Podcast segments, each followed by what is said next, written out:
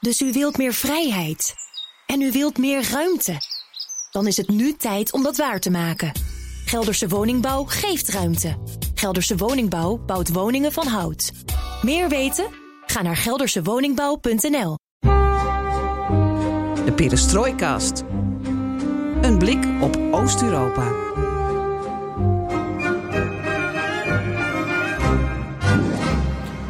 Welkom bij BNR Perestrooikast, de enige podcast van Nederland die volledig oog voor het oosten heeft en geeft. En je staat op het punt om te gaan luisteren naar een vijfluik als de oorlog voorbij is. En dit is dus het eerste luik. En het is een vijfluik over het herstel van Oekraïne. Dat klinkt misschien een beetje gek, want Oekraïne is in oorlog met Rusland. Maar niet overal in Oekraïne vliegen de kogels in het rond en er wordt al serieus nagedacht over de wederopbouw van het land. Niet alleen door Oekraïne trouwens, ook door Nederland en bijna heel Europa en Amerika. Financiële instellingen, ondernemers, architecten, allemaal kijken ze, nou niet allemaal, maar ze kijken naar Oekraïne om Ja. te helpen. En hoe vaak ik de laatste maanden niet gehoord heb dat mensen zin hebben om op vakantie te gaan naar Oekraïne. Niet nu, maar als het weer kan, naar het nieuwe Oekraïne. Je bedoelt flanerend door Odessa bijvoorbeeld? De beelden die ze zien van die prachtige steden, Lviv, eh, Odessa, Kiev, eh, mensen hebben er zin in. Alleen nu is het nog een beetje moeilijk. Ja, dat eh, kun je wel stellen. In vijf afleveringen loodsen we je door het herstel en de wederopbouw van Oekraïne heen. Vijf afleveringen van elk zo'n 20 minuten. Een eerste realistische blik, blik op de toekomst met gasten die er kijk op hebben. Hoeveel miljarden euro's zijn er nodig? En wie bepaalt wat er met dat geld gebeurt? Wordt Oekraïne groen en digitaal of blijft het ook nog een beetje grauw en rauw? En wat gebeurt er met de vele oligarchen? En je weet het, alles ten oosten van de rivier de Elbe kan de komende weken, maanden, jaren besproken worden. En wat heel leuk is, is dat wij heel sociaal en democratisch zijn. En abonneer je op ons, zodat je geen aflevering hoeft te missen. Zoek ons op in je favoriete podcast-app. Ik ben Geert-Jan Haan En ik ben Floris Akkerman. en dit is BNR Perestrooikast als de oorlog voorbij is, aflevering 1.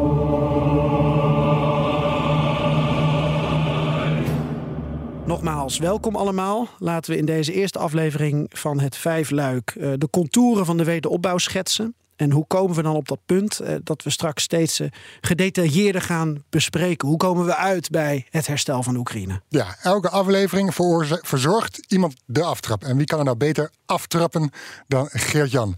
Maar laten we natuurlijk ook onze eh, gasten krijgen voldoende aandacht en het woord deze aflevering. Met Steingles van The Economist, ondernemer Jeroen Ketting en Jurgen Richterink, vicepresident van de EBRD. Nou, ik verricht de aftrap. Dat doe ik dan graag. En dat doe ik dan even samen met deze vrouw.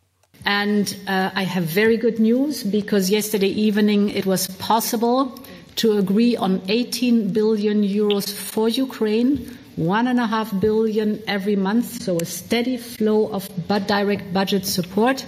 Dit is Ursula von der Leyen, voorzitter van de Europese Commissie. Eh, ze geeft aan dat er eh, 18 miljard euro naar Oekraïne gaat vanuit de EU. En aan de hand van deze uitspraak dacht ik dat het misschien goed is om eh, allereerst in deze serie eens uit te leggen eh, wat er met al die bedragen gebeurt en wat voor soort hulp en, en herstel en wederopbouw er is. Dit specifieke voorbeeld, 18 miljard euro, dat heeft eh, de Europese Commissie beschikbaar gesteld aan Oekraïne om in het jaar 2023 ervoor te zorgen dat salarissen en pensioenen gegarandeerd naar Oekraïners worden overgemaakt. En ze zei ook anderhalf miljard euro per maand. Dus zo moet je dat zien als een soort mini-tranche. En dit zei von der Leyen op de internationale donorconferentie in Parijs. Maar eerder had ze ook al aangegeven: de Europese Commissie wil graag die garantie als het ware bieden. Dat dat deel van de economie door kan gaan. En dat brengt ons dus bij de manier waarop je nu over hulp en herstel en wederopbouw kunt spreken. Je hebt directe hulp. Ehm, dat is dit bijvoorbeeld. Eh, maar daaronder scharen we ook winterization. Dus de hulp die Oekraïne krijgt om de winter door te komen. Ehm, dan heb je ook nog eh, rehabilitation, heb ik von der Leyen eh, horen zeggen eh, afgelopen najaar. Dan heb je het over herstel en wederopbouw, wat al tijdens een oorlog kan plaatsvinden. Dus schoolgebouwen kan je weer gaan herbouwen als je gebieden hebt bevrijd. Of als gebouwen zijn verwoest, maar de situatie het wel toelaat dat kinderen weer naar school kunnen. Kunnen ze ook naar school? Zijn er schoolbussen dan ook? Nou, schoolbus is een goed punt. Eh, dat is ook onderdeel eh, van eh, wat bijvoorbeeld Europese landen willen aanbieden. En wat wordt gezien als ja, niet per se hulp voor wederopbouw, maar wel om tijdens een oorlog een land ook weer te kunnen laten draaien en functioneren. Eh, Jij bent in Gerson geweest, Floris. Het postkantoor daar is weer open. Dan heb je ook ambtenaren nodig. Ja, ambtenaren zijn misschien aan het front of zijn het land uitgegaan. Nou, sterker nog, toen ik er was, werd het uh, politiebureau geopend. Of een soort overheidsgebouw waar mensen alvast uh, hun papieren, documenten, paspoort en zo konden laten verlengen. Dus er was al iets van een, een overheidsinstantie meteen al aan het werk. Maar als je uh, postkantoor, apotheek, andere overheidsinstanties allemaal weer open wil stellen. Terwijl er een deel van het personeel verdwenen is, gevlucht naar het front, overleden. Dan is het dus ook onderdeel van het herstel van een land dat je dus nadenkt over de ambtenarij. Uh-huh. Hoe zorg je ervoor dat alles kan blijven functioneren? Nou, dat speelt allemaal mee. Dat soort facetten heb je dus voordat je naar de wederopbouw gaat. De wederopbouw, dat is eigenlijk wat wij benoemen als de eerste dag na een oorlog dat een schop in de grond gaat. Ja. Maar het nadenken erover, dat gebeurt nu al. Uh, vandaar ook al die conferenties. Je hebt internationale donorconferenties, maar je hebt ook de, ja, de investeerdersconferenties, wederopbouwconferenties. Dus private investeerders die um, in overleg gaan met maatschappelijk middenveld, met ministeries in Parijs, in Berlijn, in Den Haag. En nu de stap misschien nog niet wagen, maar wel klaarstaan als het moment dan daar is. Ja, en, en al die conferenties die zijn dus voor de korte termijn, voor de huidige winter. De donorconferenties wel. Ja, en dan heb je dus die investeerdersconferenties die dus meer gericht zijn op het herstel van Oekraïne op de langere termijn, als ik het goed begrijp. Ja, het is volgens mij niet altijd even zwart-wit, maar ik denk dat je het zo in grote lijnen kan stellen. -huh. um, en we zien ook al de eerste bedrijven die weer zeggen dat ze naar Oekraïne gaan, maar die vestigen zich dan in het westen of het midden van het land.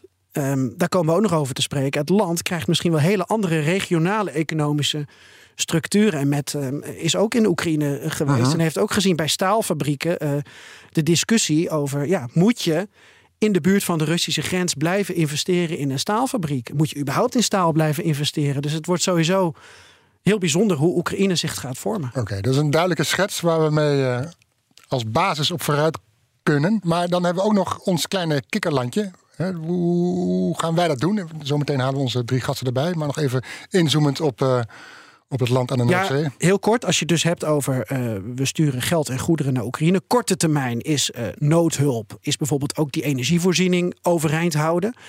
Um, of uh, he, generatoren sturen. Of ervoor te zorgen dat die hoogspanningskabels kunnen worden gerepareerd.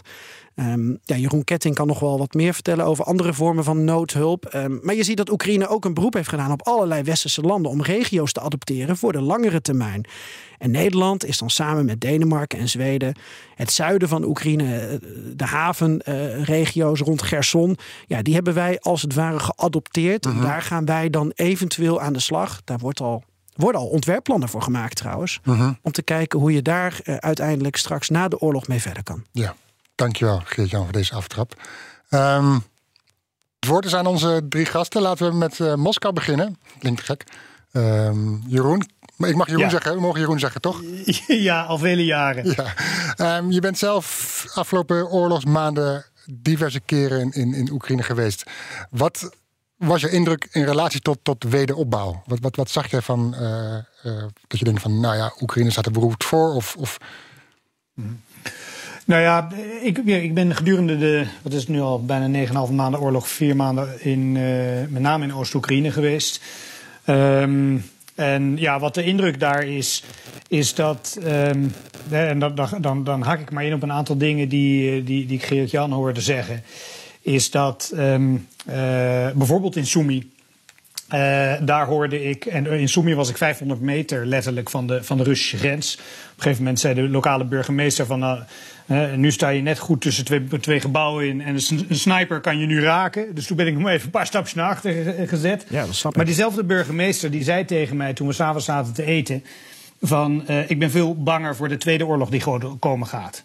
En, um, en dan moet je voorstellen, dat is de regio waardoor veel van het Russische rollend materiaal uh, richting Oekraïne is, uh, richting Kiev is gegaan. Hè. Er zijn iets van 3000 stuks uh, rollend materiaal, oorlogsmateriaal doorheen gereden. Dus die hebben we best wel wat meegekregen van de oorlog. Maar de tweede oorlog waar hij refereerde, um, toen ik vraag, vroeg van ja, waar heb je het over? Uh, daarover zeiden we ja, dat is de oorlog die er hier intern in Oekraïne uh, gaat komen op het moment dat alle internationale miljarden met steun deze kant op opkomen. En dan had hij het niet zozeer over een oorlog die met wapens uitgevochten zou worden, maar met name een oorlog door oligarchen, partijen, corrupte partijen. Ehm, overheidsdienaren en dergelijke die hun best gaan doen om hun handen op die uh, hulpstromen te, te leggen. En dat is dan het toekomstperspectief. En als ik dat dan heel even uh, koppel aan uh, mijn ervaring in, in Gerson. Waar ik zelf nog niet ben geweest. Van ik ben, uh, dus nu sinds een maandje, een kleine maand of zo, is het toegankelijk. En die maand heb ik in Moskou gezeten. Maar mijn mensen die zijn in Gerson geweest. En we leveren daar nu um, noodhulp, kachels, generatoren, voedsel, ga zo maar door. Um, maar mijn mensen komen terug uit Gerson en zeggen van ja, we hebben daar een, ja, dat noemen ze dan een stap. Dus we hebben daar een soort van, van, van, van uh, staf gevonden van uh, burgerinitiatieven uh, met, met warehouses en dergelijke. En, en die door burgers opgezet worden om die hulp uit te delen. Ga zo maar door. En dan zeg ik van ja, waarom burgerinitiatieven? En dan krijg ik letterlijk het antwoord van ja, met de, met de lokale overheid kun je en wil je niet werken in Gerson. Okay. Dus dat is, hè, dus aan de ene kant hè, in Sumi hoor ik zeg maar het macroverhaal van de man die zegt van, van nou, ik ben, ben veel banger voor de, voor de interne oorlog die gaat komen op het moment dat al die miljarden deze kant op komen. En het microverhaal is vanuit Gerson hè, dat de, de, de burgers in het veld zelf zeggen, en dat zijn, de, dat zijn de burgers van Gerson, die zeggen zelf van ja jongens, uh, we moeten hier niet met de overheid uh, werken, want dan uh, komt er één, er komt niks van terecht. En mm -hmm. twee, je komt in een heel moeilijk ja, uh, in een heel moeilijk wereldje kom je terecht. Goede punten waar we dan ook uh, verderop op terugkomen. In onder andere de, de reeksen dat we wat meer naar lokaal bestuur ook kijken. Even naar Matt. wat, wat heb jij gezien tijdens jouw reis? Welke uitdagingen voor Oekraïne als we het hebben over die wederopbouw? Waar denk je aan? Er zijn zoveel verschillende uitdagingen. Maar als je, als je denkt over, over de grote industrieën die nu al... Jij was in, in, in Waar was je precies? Oh ja, dus ik ben in. Uh, dit is al in oktober. Dus uh, dat was in, in, het begin van de grote raketaanvallen. Uh, en ik was in Dnipro. Uh, Krivirich, dat is de grote staal, staalstad van het, van het centrum zuiden van, van Oekraïne. Odessa en Kiev en Chernihiv, de regio rond Chernihiv. -huh. dus um, ja, om, om misschien twee industrieën te beschrijven. Het, staal, het probleem met staal is. Um, hun, uh, hun vervoer is, is gestoord geworden. Ja. Dus uh, de, de grote poort die ze gebruikten om staal te exporteren, zijn ge of geoccupeerd door de Russen of, aan, of aangevallen. Uh, er zijn grote staalfabrieken die in het Russische gebied zitten natuurlijk. Uh, of uh, helemaal verwoest zijn. de, de staalfabriek waar ik zat, van ArcelorMittal... die draait nog, maar op zo'n 20% van zijn capaciteit, van zijn capaciteit. En dat is deels omdat ze geen, eh, eigenlijk voor de groot deel dat we ze geen vervoer kunnen regelen. Uh, ja. Dus ze hebben een, een, eigen poort die ze kunnen gebruiken, maar ze moeten een groot deel per spoorweg wegsturen. En er zijn heel veel mensen die op de spoorweg tegenwoordig in Oekraïne willen reizen. Dus, ja, uh, spoor is uh, de levensader, hè? Ja, ja, met de uh, eigenlijk. Ja, trouwens, ik las net de, de Europese Associatie van, van Spoorwegenbedrijven geeft zijn jaarlijkse prijs uit eind januari. Iedereen verwacht dat natuurlijk naar Oekraïne niet gaat van -huh. zo'n ongelofelijke bedrijf dat -huh. nog steeds ja. het land bij elkaar houdt. Maar in ieder geval, ja, dus uh, zij, zij zeggen ze doen wat ze kunnen. Uh, een van de interessantste uh, dingen die ik wel uitgevonden, die niet begreep, is. Um, ik dacht, nou, je hebt geen, je hebt geen vervoer. Dat betekent, je kan geen, geen stoffen meer krijgen voor je staal, toch? Maar eigenlijk, die staalfabrieken zijn gebouwd op een eigen gebied van 100 vierkante kilometer of zoiets. Ze hebben hun eigen, ze, ze winnen hun eigen stof. Zowel, dus dat, dat is een ongelooflijk groot complex die alles voor zichzelf kan zorgen, behalve elektriciteit. En de Russen zijn heel slim de elektriciteitssysteem aan het bombarderen. Dus ja. als dat uitvalt, dan, dan krijgen ze groot En nog even kort het tweede punt dat jou tot nu toe was opgevallen? Uh, ja, dus nou, andere, andere bestaan. Nou, ik, ik, maak drie punten als ik, als ik heel kort. Ik probeer het kort te houden. Maar, voor voor dit eerste luik mag jij kort drie punten. Oké, okay, geweldig. Dus uh, de tweede industrie die ik, waarvan ik heel zag was, uh, was um, landbouw ten noorden van Kiev. dat, dat is een, in een gebied die ook tijdens, in het begin van de oorlog door de Russen was bezet. Uh, die, die akkers zijn voor een deel vol met mijnen, die moesten weggehaald worden. Dan zie je grote verschillen ontstaan tussen rijke boeren die goede politieke verbindingen hebben, die kunnen die kunnen trekkers regelen, die kunnen, die kunnen het, het leger laten komen om hun akkers vrij te maken van mijnen enzovoort. En mensen zonder dat soort connecties hebben veel grotere problemen. En er is ook een soort evenwicht met uh, handelaars. Uh, de handelaars hebben nu alle macht. handelaars? Ja, handelaars in graan bijvoorbeeld. Uh, handelaars, oh sorry. Ja, dus als tussen je. Want, handelaars, ja, tussen handelaars. Ja, zeg maar tussenpersonen, precies. dus, want, want veel mensen, heel, heel veel um, opbergplaatsen zijn opgeblazen. Wie heeft opbergplaatsen? Dat zijn tussenmensen. Mhm. Dus ja, opeens hebben zij alle macht in handen. Dus je krijgt dat soort verstoringen in de economie. Um, en, uh, maar de derde punt is, ik legde eigenlijk in de reportage die ik had gemaakt voor The Economist, er was opgemerkt door een van onze economische redacteurs dat ik te veel nadruk legde op dat soort ouderwetse industrieën. De grote vervoer, de, you know, landbouw, staal, dat wat je associeert met groot, de ouderwetse. Alles ja, wat groot is. Sovjetisch, bijna, ja, ja. kapitalistisch tegenwoordig. Maar Oekraïne is ook een heel grote en sterke IT-land. Ze hebben heel veel programmateurs. En uh, dat is de toekomst eigenlijk van het land. Ja. Die mensen, blijven, die mensen blijven doorwerken. Ja. En wat gek is, als je, als je mensen tegenkomt op straat in Kiev... en je vraagt, waar kom je vandaan? Uh, nou, ik, ik, ben hier op bezoek, ben, ik kom uit Kharkiv. Wat doe je? Uh, ik ben UX-ingenieur. UX-engineer. ik moest even denken, oh ja, user experience engineer. dat, dus, dat is, het is, een, het is op zeker gebied een heel geavanceerde land... En ja, uh, ja eigenlijk uh, de wederopbouw die, die, die zij in gedachten hebben, is meer wat gaat ons land worden en niet zozeer de oude ja, staal, de Sovjet-Industrie. Interessant. Ja, daar komen we nou, straks daar, dan op terug. Jeroen, ik moet nog heel even naar uh, meneer Richtering, want dan gaan we straks overal verder op door. Um, uh, Jurgen Richtering, de EBRD is ook bezig met de wederopbouw van Oekraïne. Jullie denken natuurlijk ook heel erg in economische termen, in liquiditeit. Uh, hoe ziet de EBRD nu de herstelwerkzaamheden verlopen in aanloop naar die wederopbouw? Ja, dankjewel. Ja, misschien even kort schetsen. Voor de oorlog hebben wij in Oekraïne gemiddeld zo'n 1 miljard per jaar geïnvesteerd. En dan hadden we een portefeuille van uh, zo'n circa 4,2 miljard bij het uitbreken van de oorlog. Ons grootste kantoor buiten hier in Londen was ook in Kiev, uh, waar we meer dan 100 medewerkers hadden.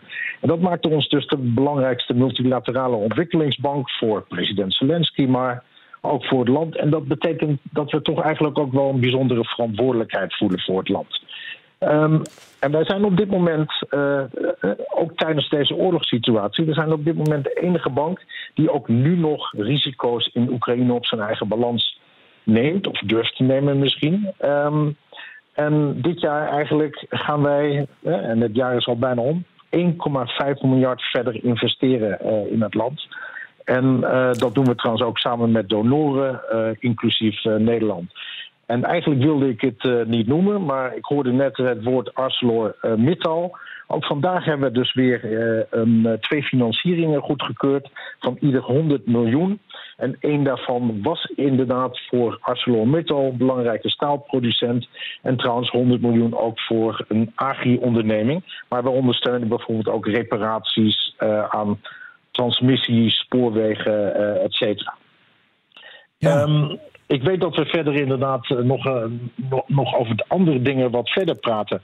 Maar uh, inderdaad, laat ik beamen, het is eigenlijk veel te vroeg om, om over wederopbouw te spreken. Maar niet om daarover na te denken. Um, en misschien heel kort schetsen. Want je, je, je zei dat EBRD eigenlijk goed weet wat er met die economie daar is gebeurd. Zal niemand verbazen dat de Oekraïnse economie onder geweldige stress staat. Ongeveer, wat, wat, misschien niet iedereen uh, weet, maar ongeveer 15% van de bevolking van voor de oorlog uh, waren in augustus waren vluchtelingen. Hè, in Nederland, maar in vele andere landen ook. Maar een verdere 15% leven uh, nog in Oekraïne, maar zijn ontheemd. Nog steeds denken wij, schatten wij, dat er ongeveer gevechten zijn in gebieden die voor de oorlog ongeveer 20% van het bruto binnenlands product uitmaakten. En uh, goed, inflatie is niet alleen in Nederland een, een, probleem, maar die is ook in Oekraïne opgelopen tot, tot meer dan, uh, dan, dan, dan 20% En, en dat heeft ertoe geleid dat het bruto binnenlands product met meer dan een derde is gedaald. Oekraïne heeft recent uh, gezegd zo'n zo'n 37 procent. Enkele weken geleden trouwens dachten we nog dat dit cijfer zo'n 30 procent zou kunnen zijn. Uh, maar toen kwamen er grootschalige bombarderingen op de Oekraïnse uh, energieinfrastructuur.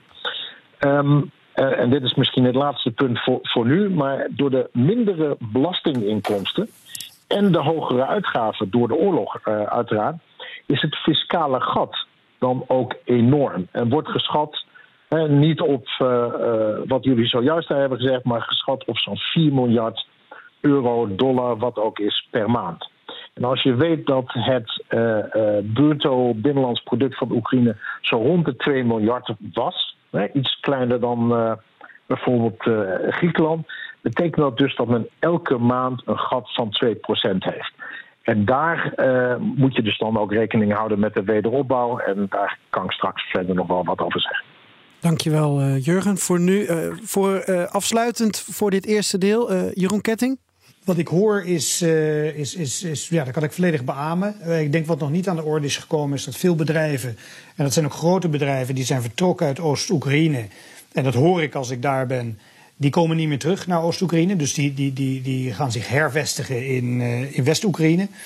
Um, dus dat is één ding. Het andere wat ik merk uit het veld en het werk wat wij nu doen met 14 bedrijfjes die we in Oekraïne ondersteunen. Ik zou willen stellen dat het niet te vroeg is om um, uh, met wederopbouw te beginnen.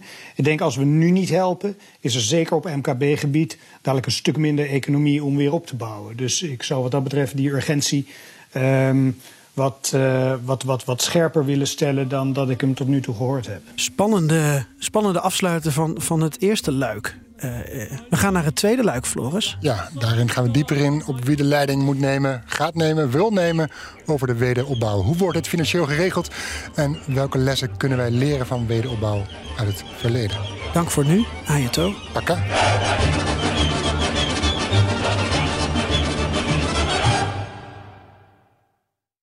Dus u wilt meer vrijheid en u wilt meer ruimte. Dan is het nu tijd om dat waar te maken. Gelderse Woningbouw geeft ruimte. Gelderse Woningbouw bouwt woningen van hout. Meer weten? Ga naar geldersewoningbouw.nl.